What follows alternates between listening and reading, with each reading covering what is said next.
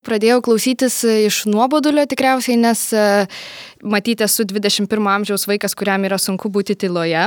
Visiškai netyčia atradau podcastą, kuris vadinasi Stuff You Should Know. Ir man žiauriai patiko ir aš žiauriai užsikabinau ir nejučiom atsirado antra serija, trečia, tada atsirado kiti podcastai ir dabar iš tikrųjų, kai gaminu, klausausi podcasto kai einu bėgioti, klausausi podcast'o, kai važiuoju dviračių universitetą, klausausi podcast'o, kai važiuoju autobusu ar vairuoju, klausausi, visada klausausi podcast'o.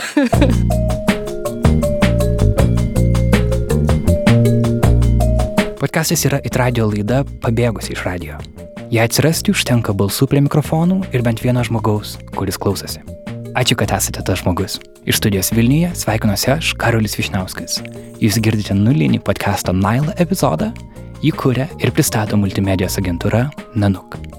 Kartu su manimi studijoje yra Berta, viena iš Nanuk įkūrėjų. Dažniausiai dirbu su didelės apimties dokumentiniais multimedijų projektais, o prie podcastų prisidedu fotografijomis, vaizdų, idėjomis ir pagalba apskritai Karoliui. Aš esu Laura, studijuoju šiuo metu žurnalistiką ir kartu su Karoliu prisidedu prie podcast'o kūrimo. Aš esu Mindaugas, multimedijų žurnalistas ir darbuojuosi kartu su Berta ir kitais komandos nariais prie didesnių Nanuk projektų. Prie podcast'o prisidedu daugiausia vizualia dalim, tai yra filmuota medžiaga, behind the scenes, kad tai būtų galima ir pasižiūrėti visiems norintiems. Aš esu Karolis Pilypas, e, dabar būsiu galbūt tik Pilypas, nes atsirado antras Karolis pas mus. Aš esu videografas ir multimedijų žurnalistas, dirbantis prie ilgosios žurnalistikos projektų Nanų komandoje, o prie podcastų prisidedu, manau, moralinių karalio palaikymą. Naila buvo pirmojo dokumentinio filmo Nanook of the North herojė, ji išgyvena šiaurėje. Dabar mums šiaurėje gyventi nereikia, bet turime modernaus pasaulio problemas. Naila podcastas bandys rasti atsakymus į jas. Mes kalbinsime mokslininkus, menininkus, aktyvistus ir kitus žmonės, varančius pasaulį į priekį. Renksime feature temas ir kalbėsime apie žiniasklaidą, bet šis nulinis epizodas ne apie tai. Dabar mes norime tiesiog pasidalinti savo meilę podcastams, pasikalbėti, ką klausome patys, kodėl klausome ir kodėl mūsų manimų podcastai gali prigyti ir Lietuvoje. Beje, dėl paties termino - podcastas. Mes daug diskutavom, ar turėtume jį naudoti. Galiausiai nusprendėme, kad liksime prie jo vietoje lietuviško siūlomo atitikmens tinklalaidę. Prisiminiau, kai kažkada radau pirmasias lietuviškas knygas apie internetą. Ten jis dar buvo vadinamas žiniatinkliu. Tai buvo labai gražus žodis, bet problema, kad patys interneto naudotojai Lietuvoje jo nepriemė. Ir dabar sakome internetas, dėl to nesukime galvos, lietuvių kalba pristaikė. Manome, kad su žodžiu podcastas nutiks lygiai taip pat. Ruoždamas šiam epizodui radau statistiką, jog maždaug 9 milijonai amerikiečių klauso šešis arba dar daugiau podcastų epizodų per savaitę. Paklausėm nuo draugų, koks yra jų mėgstamiausių podcastų turėtukas ir kaip dažnai jie klausosi. Na, pirmiausia, tai aš norėčiau pradėti nuo to, kad per mėnesį aš galbūt tik dvi valandas klausau podcastų. E, bet radio klausau dar mažiau. Ir taip yra todėl, kad aš kažkodėl, nors ir man sunku klausytis, aš esu visiškai vizualikos žmogus, man patinka žiūrėti serialus, man patinka žiūrėti filmus, man patinka skaityti, bet man labai sunku klausyti. Bet podcastai man vis dėlto vis tiek yra kažkodėl įdomus, dėl to, kad jie sugeba geriau įjungti vaizduotę. Taigi jie vis tiek man tampa vizualūs.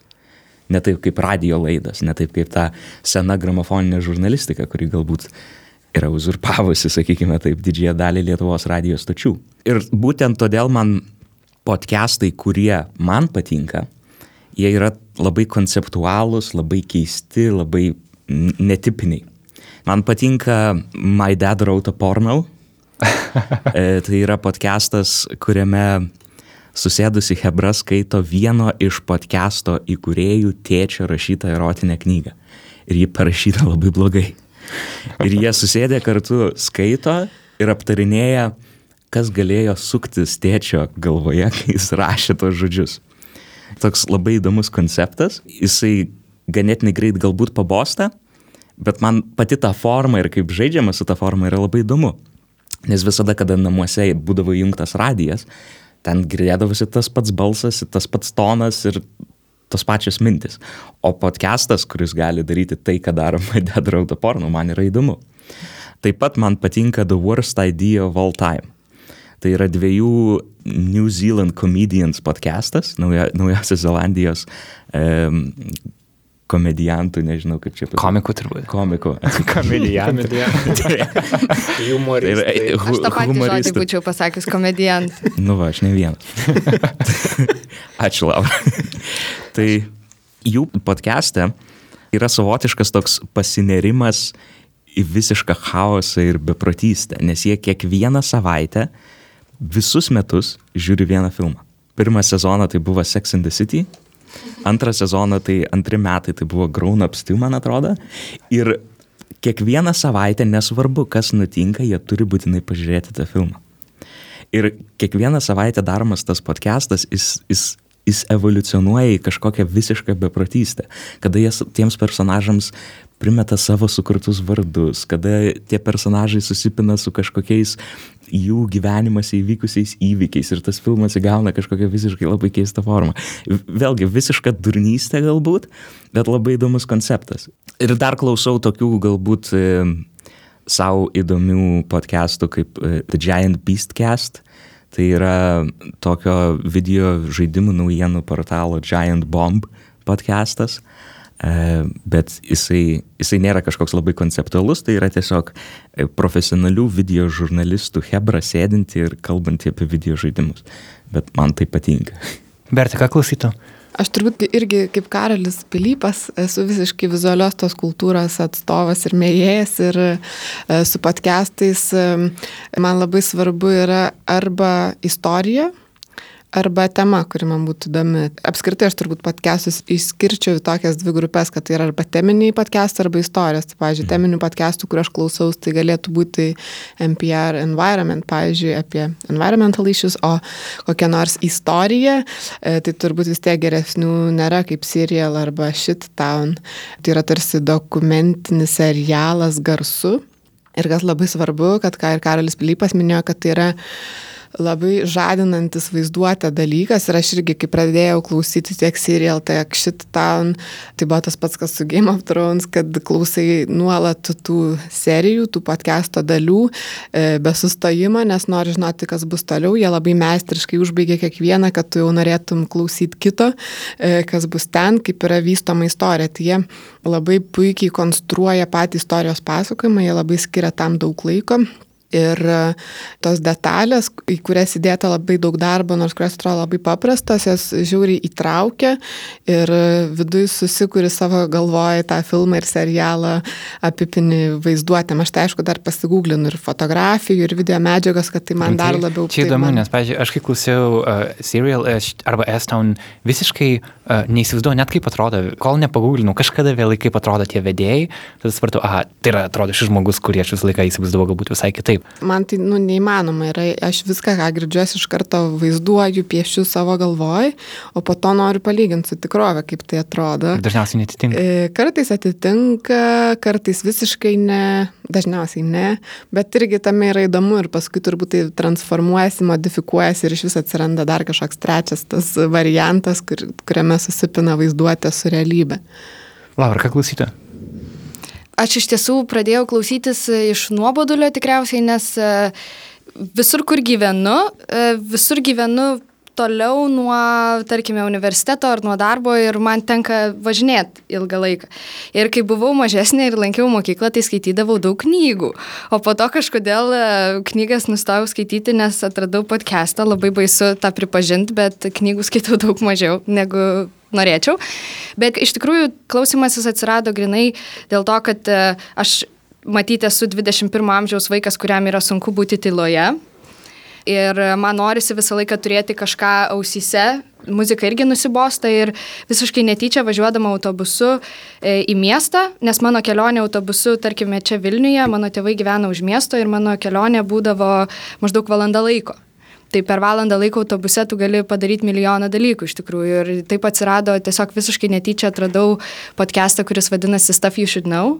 Ir man žiauriai patiko ir aš žiauriai užsikabinau ir nejučiom atsirado antra serija, trečia, tada atsirado kiti podcastai ir dabar iš tikrųjų, kai gaminu, klausausi podcasto, kai einu bėgioti klausausi podcast'o, kai važiuoju dviračių universitetą klausausi podcast'o, kai važiuoju autobusu ar vairuoju klausausi, visada klausausi podcast'o. Tas atsiranda dalykas, kad tu pradedi vertinti savo laiką visai kitaip. Atrodo, kad jeigu tu šiuo metu neturi ausinėse podcast'o, kai tu darai kažkokį šiaip gyvenimišką dalyką, ar tai a, sirbi dulkės savo kambarį, ar plaunindus, ar štai važiuoji automobiliu, atrodo, kad tavo laikas bus išvaistytas, Taip, taip, jeigu tu laiką. Tiesiog, Taip. tarkim, važiuosi autobusu Taip, ir nieko taip, nedarysi. Taip, ne? taip, taip. Laura mūsų komandoje yra turbūt didžiausia podcastų maniakė.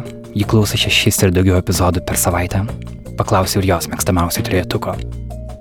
Mano kasdieniai podcastai yra Stuff You Should Know. E, BBC Radio aš klausiausi žinių. Ir e, This American Life. Tai yra tam tikros dienos savaitėje, kada žinau, kad išeina naujas podcastas ir tą savaitę aš klausau išėjusi naują podcastą. Ir yra kiti podcastai, apie kuriuos irgi Berta kalbėjo. Tai yra Serial, yra S-Town, yra Stranglers, kuris yra ne mažiau žinomų kuriejų, bet lygiai tokia pati įdomi ir stipri istorija, kaip tarkime S-Town būtų. Man tai podcastai iš esmės primena garsų terapiją. Vienas, kuris yra pakankamai dažnas ir jo vis tiek klausosi, tai yra TED Radio Hour. Kalbama apie inovacijas, TEDO kalbas yra tikrai įdomios ir labai gerai pateiktos. Kiti du podcastai yra tokie labiau, gal reikėtų sakyti, nišiniai, kuriuos vat, atradau tiesiog ieškodamas, kas man būtų svarbu, įdomu ir vienas vadinasi Invisibilia. Tas pavadinimas kyla iš latynų žodžio, kad būtent tai, kas yra neapčiuopiama. Jų autoriai nagrinėja tokias tematikas, sakysime, kas yra baime, kaip jį mus veikia, kas yra nerimas, kodėl mes esame vieni kitiems draugiškesni, kitų nemėgstame tiesiog be jokios priežasties, tiesiog tu nejauti kažkokio kontakto su žmogum. Tai mane šitie klausimai patį labai stebina ir norės ieškoti kažkokių atsakymų. Žinoma, podcastai nebūtinai suteikia tos atsakymus, bet išplečia tą norėjimą į juos gilintis ir dar analizuoti. Tai šitą tikrai rekomenduočiau žmonėm, kurie norėtųsi to neapčiuopiamo materijos ieškojimo ir galėtų analizuoti tiek save, tiek kitus. Ir tas trečiasis turbūt, kaip prašyto trejato, kartais labai sunku apsirbuoti tik tais trejato, bet ja. ką darysi, tai būtų deršiuga, kuris... Der Sugar. Der sugar, ja. Tai, Ja. ja, ja, ja. tai mintis yra ten turbūt įdomiausias dalykas, kad e, kas mane nustebino, kur jokiame kitame podcast'e arba dar nesu atradęs, kurie nagrinėja tokias temas asmeniškas kaip Pavyzdžiui, viena tokių naujausių buvo, kad e, parašė podcast autoriams mergina, kuri sako, kad mane paliko vaikinas, nes e, jis nežino dėl, abejoja dėl savo seksualumo. Galbūt jis yra gėjus. Ir jos klausimas yra toks, kad jį, jį taip stipriai myli, kad galvoja, ką daryti, ar jo laukti, nes jam tiesiog kilo svarstymai, ką daryti su gyvenimu. Ir jie per visą podcast'o tą laiką analizuoja visus galimus variantus. Ir ne tik galimus, bet kad, na, tas mūsų seksualumas, jis yra visada toksai, nėra tik juoda arba balta, jis yra toksai banguojantis gali būti. Arba kitas laidoje pasirodantis klausimas, kuris būtų, mano vyras buvo neištikimas, aš tai sužinau, tai buvo geriausia mano draugė, ką man daryti. Tokie asmeniški, kur tu radio laidose niekur to nebūtų, arba tai būtų Ir televizijoje, turbūt, jeigu tai būtų televizija, iš to padarytų kažkokį pramoginį šou. Ir man to tokio, atleiskit, perkau, tai būtų Ne, atleiskit, aš tave 24 pertraukiau. valandas kokios, jie važiuotų pas jas į kaimą ir tada, ir tada būtų viskas. Jie ten daužytus ir panašiai. O man patinka, kad čia yra toks labai prieiga, tokia natūrali ir, sakyčiau, netgi sveikintina, kaip galima apie tas temas kalbėti. Jo, labai žmoniška. Kažkur skaičiau mintį, kad televizija yra tokia labai bendromeniška, kad kai tu žiūri, tu suvoki, kad kažkas kitur pasaulyje irgi tai žiūri ir ypač jeigu tai yra, pavyzdžiui, naujo serialo epizodo pasirodymas, tu žinai, kad mes prieš laidą kalbėjome daug apie Game of Thrones karą ir tu minėjai, kad vieną seriją Game of Thrones žiūrėjo 10 milijonų žmonių. Man, man atrodo taip. Jo, Taip. Pilypai, atsiprašau. Um, kas yra milžiniškas kiekis žmonių su podcastu ir kartais, pavyzdžiui, Eston, man atrodo, klausytojų skaičius virsė 100 tūkstančių labai greitai ir ten paskui judėjo tolin, tolin. Oho. Bet uh, kai tu klausai, atrodo, kad tu esi vienas, kad tai yra visiškai tavo asmeninis reikalas, Jo. kad tu su tuo žmogumi užmėsgi labai artimą santyki. Ir dėl to podcastai yra toks formatas, kur tu gali eiti į skaudžiausias, asmeniškiausias temas. Pavyzdžiui, aš nesiniai atradau vieną tokį, um, kuris vadinasi Hilarious World of Depression, kuriame komikai pradeda kalbėti apie tokią pakankamai tabų temą komikų pasaulyje. Tai yra tai, kad daugelis jų iš ties turi problemų su ta pačia depresija. Ir ten jie atvirai kalba, kaip jie su tuo kovoja. Televizijoje tai nesuveiktų. Radijai niekas tau neduotų valandos eterio tiesiog apie savo, žinai, psichologinės jausmus kalbėti. O podcast'e tu gali tai daryti, nes jis tai yra atviras formatas. Tas mane labai žavi. Aš rašausi dabar visus pavyzdžius, kuriuos jūs e, sakot, bet e, mano tėtis irgi, aš e, savo tėtį priverčiau įsirašyti podcastus, nes man labai norėjosi su kuo nors apie tos podcastus pasikalbėti. Tai jis irgi labai, man labai patiko, kaip jisai pasakė, kad nesijauti vienišas kad jautiesi lyg turi draugą kažkokį, kuris su tavim kalbasi. Ir aš manau, priežastis, kodėl Lietuvoje podcastai dar nėra išstartavę pakankamai, yra viena be abejo tai, kad visi pavyzdžiai, kuriuos mes dar minėjom, yra anglakalbiai. Galbūt dėl to mes ir norim pradėti savo podcastą, kad tai būtų kažkoks lietuviškas atsakas. Tai nereiškia, kad tie žmonės, kurie klausys Nailo podcastą, nesupranta angliškai. Tikrai ne, bet turbūt kažkas yra savito, kai tu girdi lietuvių kalbą podcast'e.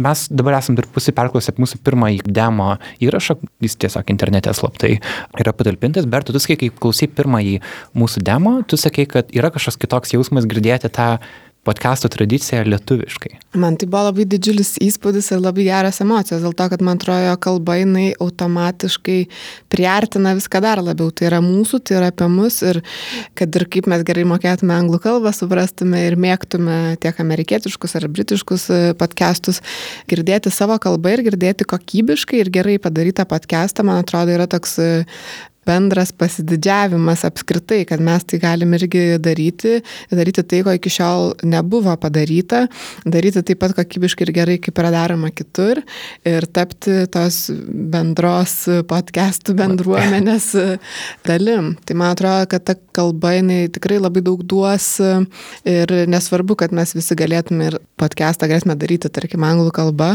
kad tas savitumas ir mūsų kalba, kurioje mes turime labai daug gražių žodžių, pasakymų ir visą kitą, kad mes jį galim padaryti tokį savo kalbą.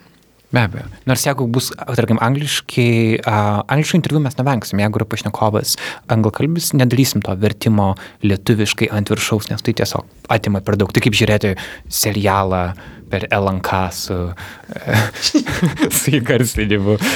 Nenorėjau vardinti. Net nenorėjau. Būdinimą, ne? Policininkas Daunas.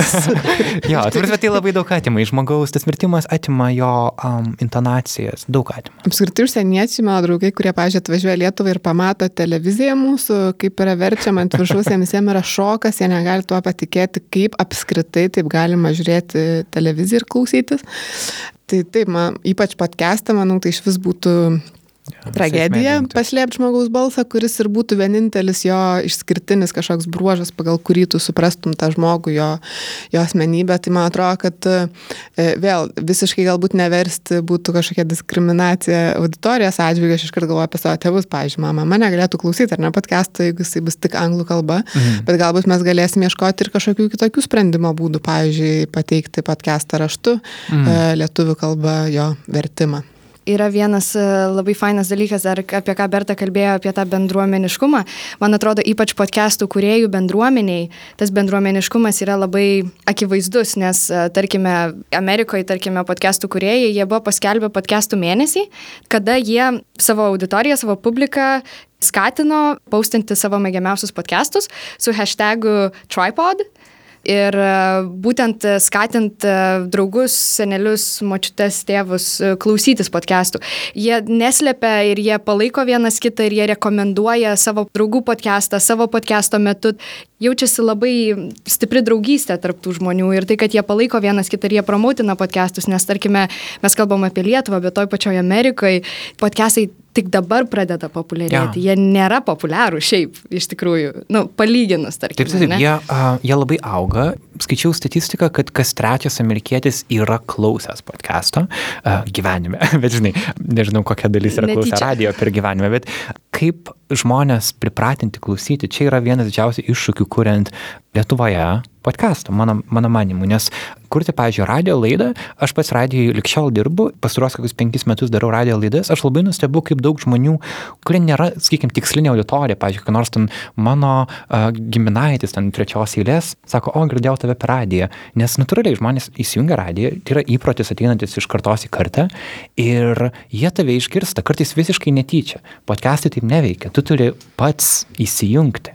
Galim šiek tiek pakalbėti apie tai, kaip jūs įpratote klausyti ir kokiais būdais jūs tai darote. Pavyzdžiui, Karoli Pilypai, kai tu klausai, kaip tu tai darai? Na, aš turėčiau pasakyti pirmiausia, kad aš iš vis labai nemėgstu ausinių.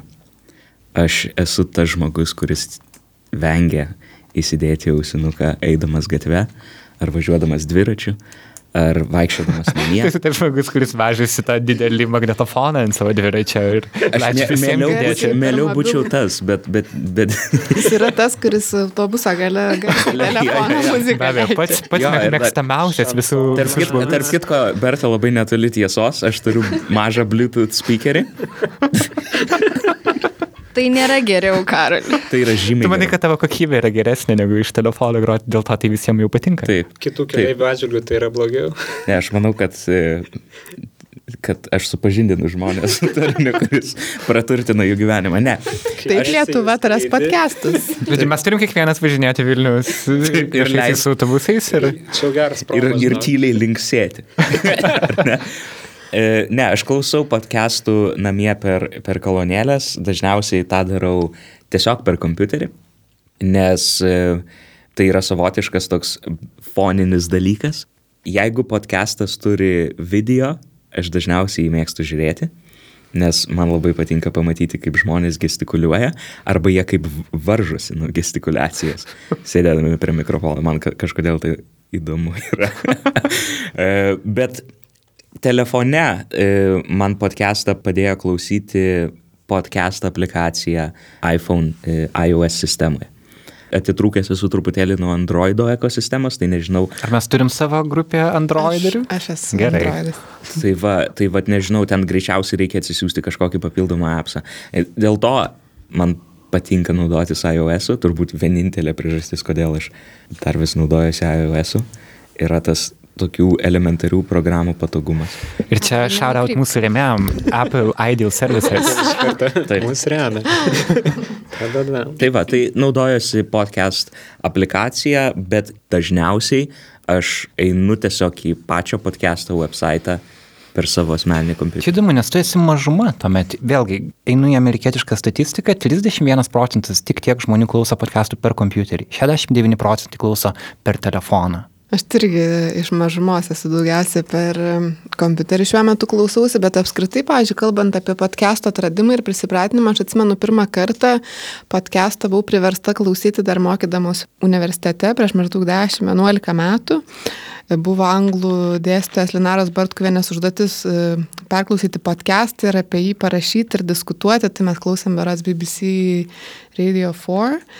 Ir e, man tai buvo didžiulis atradimas, buvo labai įdomu, bet vėlgi, kadangi tai nebuvo vizualu, manęs tai kažkaip neįtraukė. Tuo metu aš turėjau tą užduotį atlikti, pasiklausiau podcast, atsimenu, klausiausi apie Frida Kalo pasirinkus laidą, vėlgi tai buvo toks įdomus atradimas, kad tu gali pasirinkti, ką tu klausysi ir apie ką tu nori papasakoti paklausęs podcast'o, bet kažkaip man neprigijo tie podcast'ai ir galiausiai tik tai kai jau mokiausi Kinijoje, kaip Laura minėjo, turėjau labai ilgą tą commute į universitetą, važiavimas man užtrukdavo mažiausiai valandą, jeigu aš važiuodavau paskui dirbti, užtrukdavo pusantros valandos į vieną pusę, jeigu važiuodavau fotografuoti į savo tą istoriją ten iš viso. Ir dvi valandas kartais užtrukdavo vieną pusę važiuoti ir iš pradžių klausydavau muzikos, bet po to atrodė, kad aš tą laiką kažkaip irgi švaistau. Aš negaliu skaityti ir žiūrėti nieko transporto priemonėse, nes mane pykina, tai man podcastai ir ausinės yra vienintelis tas išsigelbėjimo būdas. Ir aš tada pradėjau klausyti atradusi This American Life, taip pat klausydavau The Guardian podcast'o apie filmus iš kurių sužinodavau, ką žiūrėti, kokią mm. dokumentiką ir panašiai.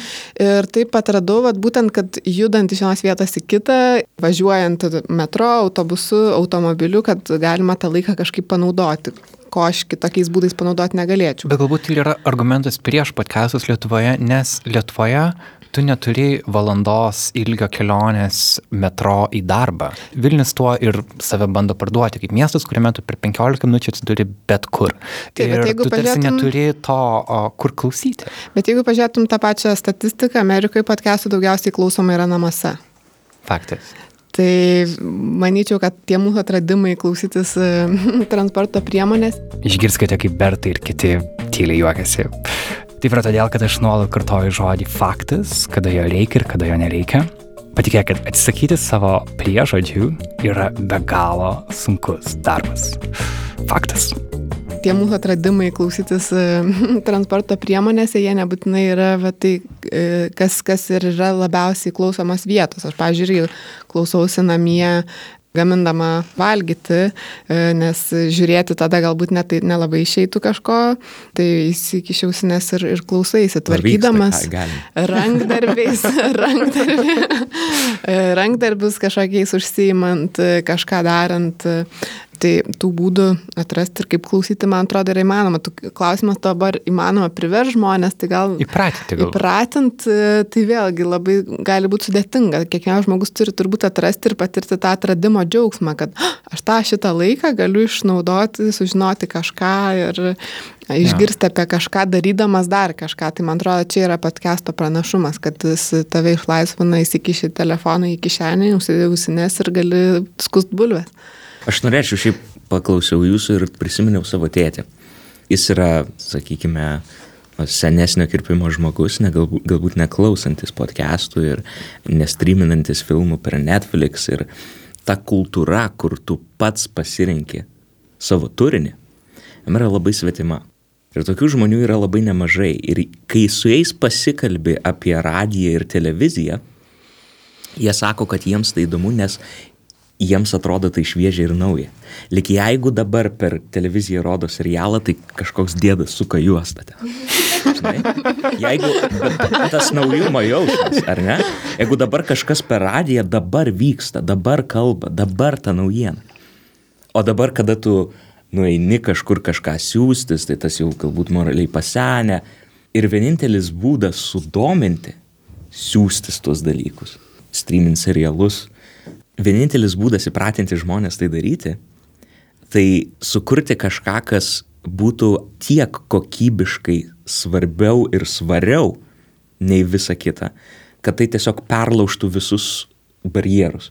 Barjerą atsisiųsti programėlę, barjerą susirasti internete kažką, barjerą uh, skirti laiko tam nes iš tikrųjų tai yra sunku, mes kalbam, kad lengva, žinai, atsisiųsti programėlį ir taip toliau, yra žmonių, kurie neturi laiko tam, kurie paprasčiausiai tingi tą daryti ir jiems čia yra papildomas darbas, papildoma protinė našta ir vienintelis būdas kažkaip perlaužti tą nepatiklumą kokybę. Nes aš, pavyzdžiui, Lietuvoje esu labai nepatiklus kokybė. Aš nepatiklus knygų vertimų kokybė, išskyrus baroko ir tauragienės vertimus. Aš nepatiklus e, serialų dubležui. Aš nepatiklus netgi apskritai nepasitikiu televiziją. Aš nepasitikiu žiūrėdamas filmą, nes nežinau, kada man reklamą parodys. Ne? Bet čia gal dėl to, kad tu kritiškas, bet daugam net nereikia kokybės, jiems reikia paspausti mygtuką ir kad tiesiog būtų fonas, radio fonas arba televizijos fonas ir net nesvarbu, ką tai ką rodo, mm. kas yra, kad žmogus tiesiog nesijaustų vienišas ir kažkas kažkur fone suktųsi. Jo, tokių irgi yra labai daug. Bet jie neklausys podcast'o. Bet e, kitas dalykas yra o tai, kad... Fainai, būtų fainai, kad klausytų. Tarkime, ką tu kalbėjai apie kokybę, kad uh, dabar iš tikrųjų šiais laikais mes patys galim susikurti tą aplinką, ne, kurioje kurioje mes gyvenam. Ir mes galim pasirinkti tuos produktus, kuriuos mes vartojam. Tas pasirinkimas jis gniuždantis tam tikrą prasme, nes tų variantų pasirinkimo yra tiek daug ir tas dažnai discouragina mus. Bet e, kokybiško turinio pateikimas tai yra vienintelis būdas, kaip paskatinti pasirinkti savo Nes e, mes esam pratę dėl televizijos, dėl radijo, mes esam pratę pasyviai vartoti turinį, ar ne, ką Berta sako. Šiais laikais jau šiek tiek persijungiam, nes mes turim būti aktyvūs vartotojai, mes nebegalim būti pasyvūs, nes jeigu mes būsim pasyvūs, tai mes... Kokį lietuvišką turinį tu aktyviai vartoji? Lietuvišką? Nieko nevartoju lietuviško. Tada, tada. Praskrolinu 15 minučių su Delfiu. Kad... Ir jeigu atsiranda turinys lietuviškas, kuris reikalauja tavęs, kad tu jį aktyviai vartotum, ar tu iš karto šoksi ant jo, ar atsargiai? Žinoma, žinoma, kad atsargiai, bet galbūt viena iš priežasčių yra būtent todėl mes ir kalbamės dabar, kad tarsi tos kortos būtų visos atverstos, ar ne, kas mes mhm. tokie esame, iš kur mes atėjom ir kodėl mes darom tai, ką mes būtent. darom. Tai va todėl ir manau, kad, kad labai džiugu, kad Karolis ateina pas mus, nes tai be ne buvo vienintelis lietuviškas turinys, kurį aš Na taip, retkarčiais aktyviai pavartodavau. tai, yra, tai yra didžiausias komplimentas Filipai. Ar maidra karas. Iš Filipo tai. Ne, bet e, aš manau, čia svarbią temą labai palėtėm. Tai yra, kad mes turbūt patys natūraliai į lietuvišką naują produktą automatiškai žiūrim skeptiškai, nes mes per daug kartų esame nusivylę. Jeigu, pavyzdžiui, žinom, kad, tarkim, NPA paleidžia naują podcastą, ką jie, pažiūrėjau, nesnei padarė su tokiu, vadinasi, rough translation, jų idėja yra kalbėti apie pasaulį vykstančias temas ir bandyti jas paaiškinti su tokia amerikietiška perspektyva, tarsi daryti tokį vertimą. Ir aš galvoju, ir jis reklamuoja, sako, štai mes turim naują podcastą, paklausykite, aš galvoju, jas turi greičiau siūstis, nes čia turbūt bus labai gerai. Ir aš iš karto priimu, kad man tai patiks, nors dar net nežinau, ar tai bus iš tikro. Tuo tarpu, jeigu yra lietuviškas variantas, atrodo priimi, kad tai bus turbūt blogai, bet gal ir bus gerai. Taip neturėtų būti, ar ne? Klausimas apskritai, kokie yra buvę lietuviški podcastai? Tokie, bet yra buvę apskritai Jų yra buvę keletas, aš atsimenu iš vienų tokių ilgiau išbuvusių pavyzdžių. Buvo auksiniai berniukai, Mhm, jį tai aš darė. Tapinas, Ambrazevičius ir Puklevičius berots. Ir jie tiesiog, iš esmės, jie, jie ten savo... Tai? Jie, jie tiesiog kalbėjosi tai apie, apie beleką iš ties. Ir tai buvo tokia pusiau humoristinė, pusiau politinė, analitinė laida. Jeigu tu esi jų fanas, tai aš manau, tu gali klausyti, bet, bet paskui jiem patiems turbūt nusibodo tai daryti. Bet ar buvo tokių, va, iš tikrųjų išbaigtų podcastų, kur būtų ne tik pokalbį, kad sėdi trys e, bičiai ir kalbasi, arba kažkas kalbina kažką ir praktiškai be jokio redagavimo ir tvarkymo ir kūrimo tas podcastas tiesiog eina į eterį. Ar kažkas tokio apskritai yra buvę? Praktiškai ne. Ir dėl to tai yra kartu ir motivacija pabandyti padaryti patiems, nes atrodo, kad, žiūrėk, jeigu veikia kitose šalyse, kuo mes esame, mūsų DNR nėra kažkoks kitoks, žinai, kad um, tai nesuveiktų. Kita vertus, yra kažkokie dalykai, kurie Lietuvoje neprigyja tiesiog kurie prigyja kitur, pavyzdžiui, Twitteris. Nu, niekaip jis neišpopuliarės ir turbūt neišpopuliarės Lietuvoje. O Facebookas tapo visiškai nacionalinė žinai, diskusijų erdvė.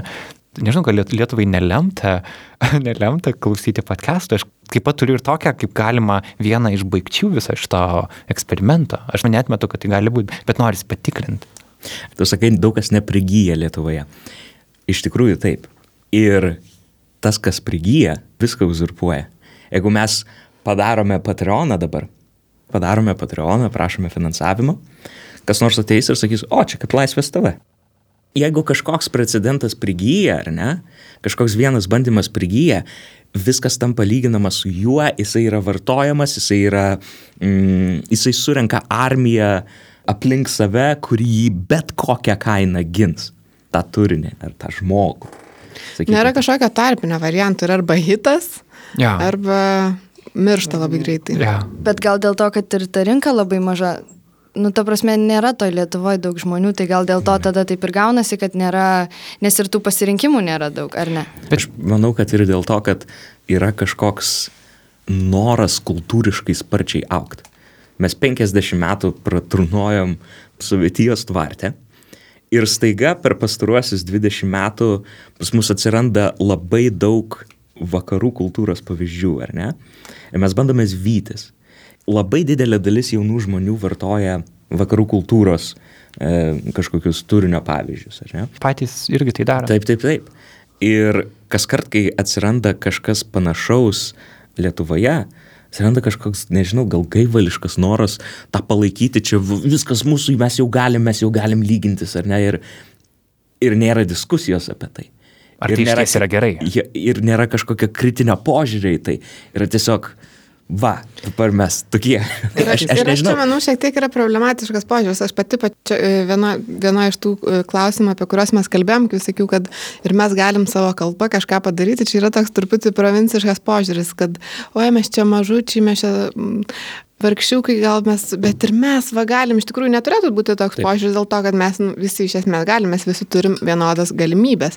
Mes turim internetą, mes turim e, knygas, televizijas, mes esam pasaulio dalimi, mūsų jau niekas nebėra atskyręs. Taip, dar galbūt yra kažkoks tas palikimas mūsų to vat, laikotarpio, kai mes buvom uždaryti, mhm. bet dabar tai mes turim laisvę. Bet kartu reikia suprasti realybę dėl tos pačios auditorijos. Pavyzdžiui, dabar yra tas Lietuvos šimtmečio proga bandymas kažkaip sujungti visus lietuvis tokį tarsi globalų tinklą. Ir ten yra apibrėžiamas skaičius 4 milijonai. Tarsi tiek yra žmonių lietuvių pasaulyje. Galim priimti, kad jie supranta lietuvių kalbą ir kuriem Lietuva yra aktuali kažkuo. Galbūt tai ir yra mūsų, tarkim, lietuviško podcastų auditorija. Tiesiog elementariai dėl kalbos apribojimo, nes pavyzdžiui, jūs dirbant su vaizdais, su fotografijom, su video, jūsų auditorija yra fotografijai nereikia mokėti kalbos, podcastui reikia ją mokėti. Ir man atrodo, reikia tai suprasti, kad um, mūsų tikslas turėtų būti kažkaip pasiekti tuos žmonės. Aš Vėl nereikia apsiriboti. Aš šiandien į šitą pokalbį atvažiavau su taksi, kurį vairavo gruzinas, kalbantis puikiai lietuviškai. Jis irgi yra mūsų auditorija. Faktai. Faktas. Gal taip reikėjo pavadinti mūsų podcastą, klausyk. Gerai, pabaigai. Mes planuojam paleisti Patreon, kas yra įprasta praktika podcastų pasaulyje. Daugybė podcastų yra finansuojami pačių klausytojų. Jie dalis jų atsisakė rėmėjų, nes nenorėjo, kad tie rėmėjai darytų kažkokią įtaką ir paliko, kad vien jų auditorija gali išlaikyti juos. Pavyzdžiui, vienas iš tokių populiariausių podcastų autorių, komikas Mark Maron, jis turi tokį podcastą pavadinimu What the fuck with Mark Maron, jo garažą, kuris įrašinėjo tos podcastus, buvo vienu metu atėjęs Obama, tarkim, arba Briusas Prinkstinas, arba kokia nors Sofija Coppola. Um, 10 procentų jo klausytojų moka už jo turinį, jam tai yra rojus. Jis neįsivaizdavo, kad taip gali būti, atėjus iš tokio tradicinio radio ir taip pat dirba su This American Life. This American Life irgi turi tokį viešą finansavimą. Mes irgi ieškosim viešo finansavimo, bet taip pat norim traukti ir klausytojus. Ir kaip manot, ar ar žmonės, kodėl žmonės turėtų mokėti už turinį, kai galbūt jie jau moka, nežinau, už Netflix, kuriame yra milijonas serialų, e, arba už Spotify, kuriame yra tiek dainų, kurias įdėta daug darbo. Žinai, kodėl mes, kodėl turėtų kažkas mokėti už tai mums čia sėdintiems? Aš tai visų pirma norėčiau pasakyti, kad kaip žmogus nusivylęs lietuviško turinio kokybę, aš pasižadu su Karoliu Višniausku kurti turinį, kuris bus kokybiškas. Ir mes tikrai pradėję dirbti su visai kitokia žurnalistika Lietuvoje, apskritai Nanuk multimedija.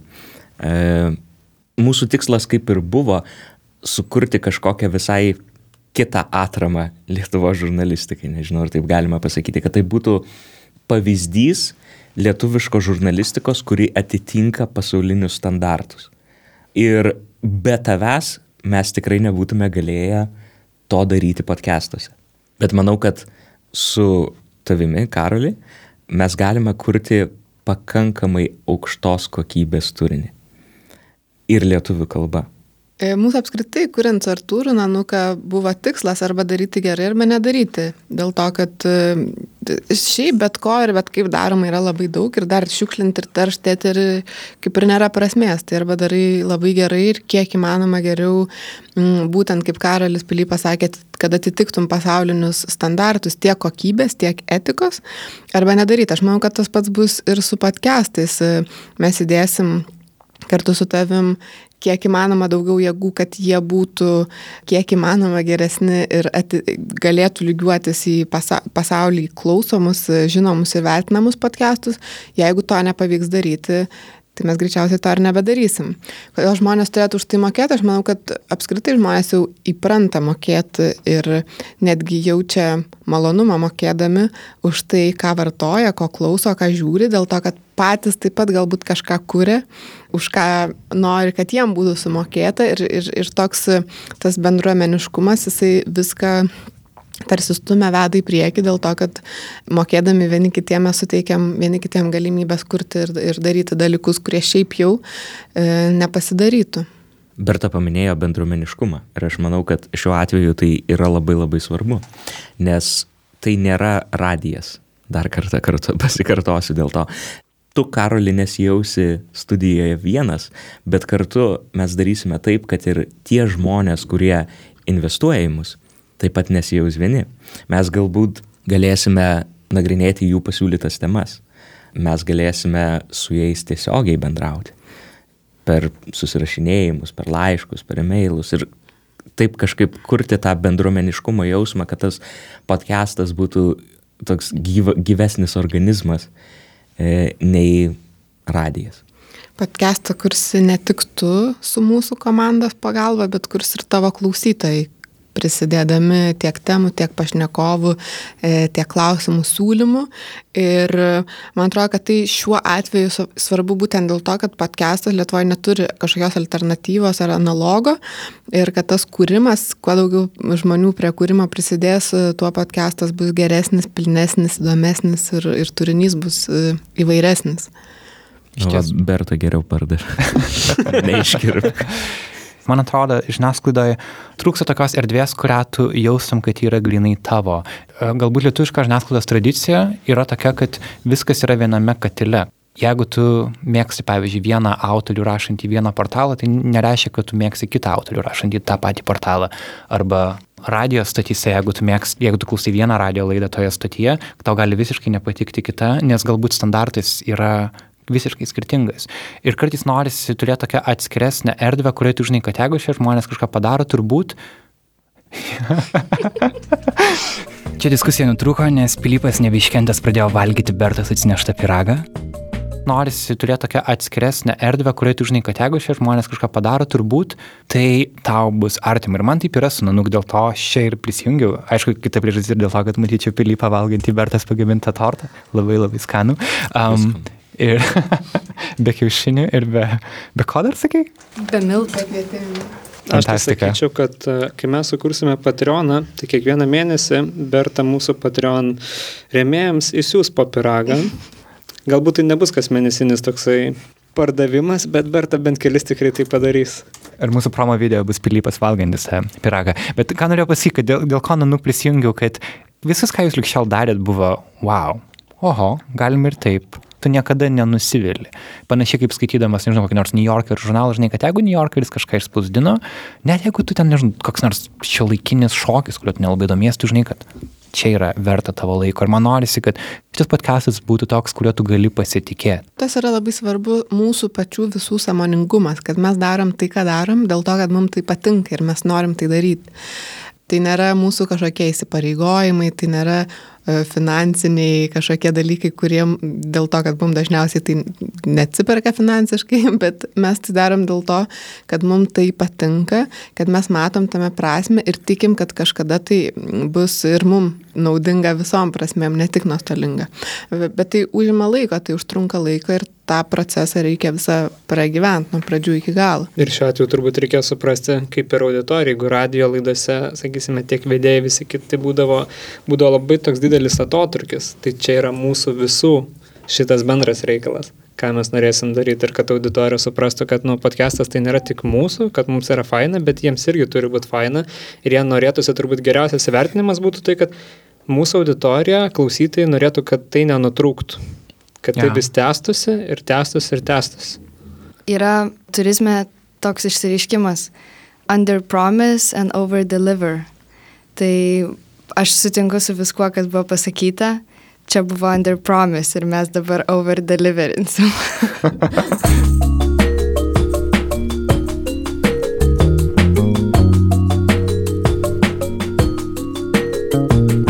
Arba tai buvo over promise ir mes underdeliverinsim.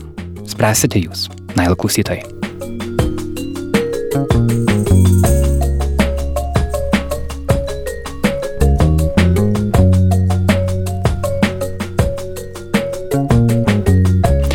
Tai buvo nulinis podcast'o epizodas.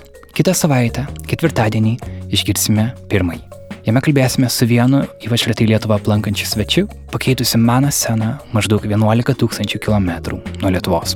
Šio epizodo ieškokite nukeltą tinklalapyje arba bet kur, kur patys klausote podcastus. Tai gali būti iTunes, tai gali būti Stitcher ar tiesiog jūsų telefono podcastų programėlė. Mes kalbėjome apie Patreon platformą, kurioje jūs galite remti nepriklausomus kuriejus, kokie mes ir esame. Bendruomenės būrimas mums yra esminis dalykas, kuriant Nailą, tad visi paremę podcastą 5 arba daugiau dolerių bus pakviesti į slaptą Nailą grupę Facebook'e. Ten mes diskutuosime tiek apie šio podcast'o epizodus, tiek apskritai apie podcastus, tiek apie žiniasklaidą Lietuvoje ir pasaulyje. Norime sukurti saugią ir tokią protingą bendravimo erdvę, kurioje tiesiog gera visiems būti kartu tinklalapį patreon.com, pasvirasis brūkšnys nanuk multimedia, kaip vienas žodis, ten rasite visą, visą informaciją. Ačiū pirmiesiams Patreon rėmėjams Silvijai Burbaitiai, Adomui Poltanavičiui ir Rasai Radzevičiūtai. Jie patikėjo Nailą dar prieš pasirodant pirmajam epizodui. Mums tai labai labai daug reiškia. Ačiū jiems. Šį epizodą vedžiau ir redagavau aš Karolis Višniauskas, Nailo muziką parašė Martinas Gailius iš Soda Sounds. Kol laukiame naujų epizodų, rekomenduoju patikrinti ankstesnius Nanu komandos darbus. Aš pats juos atradau per projektą Vienodos dienos.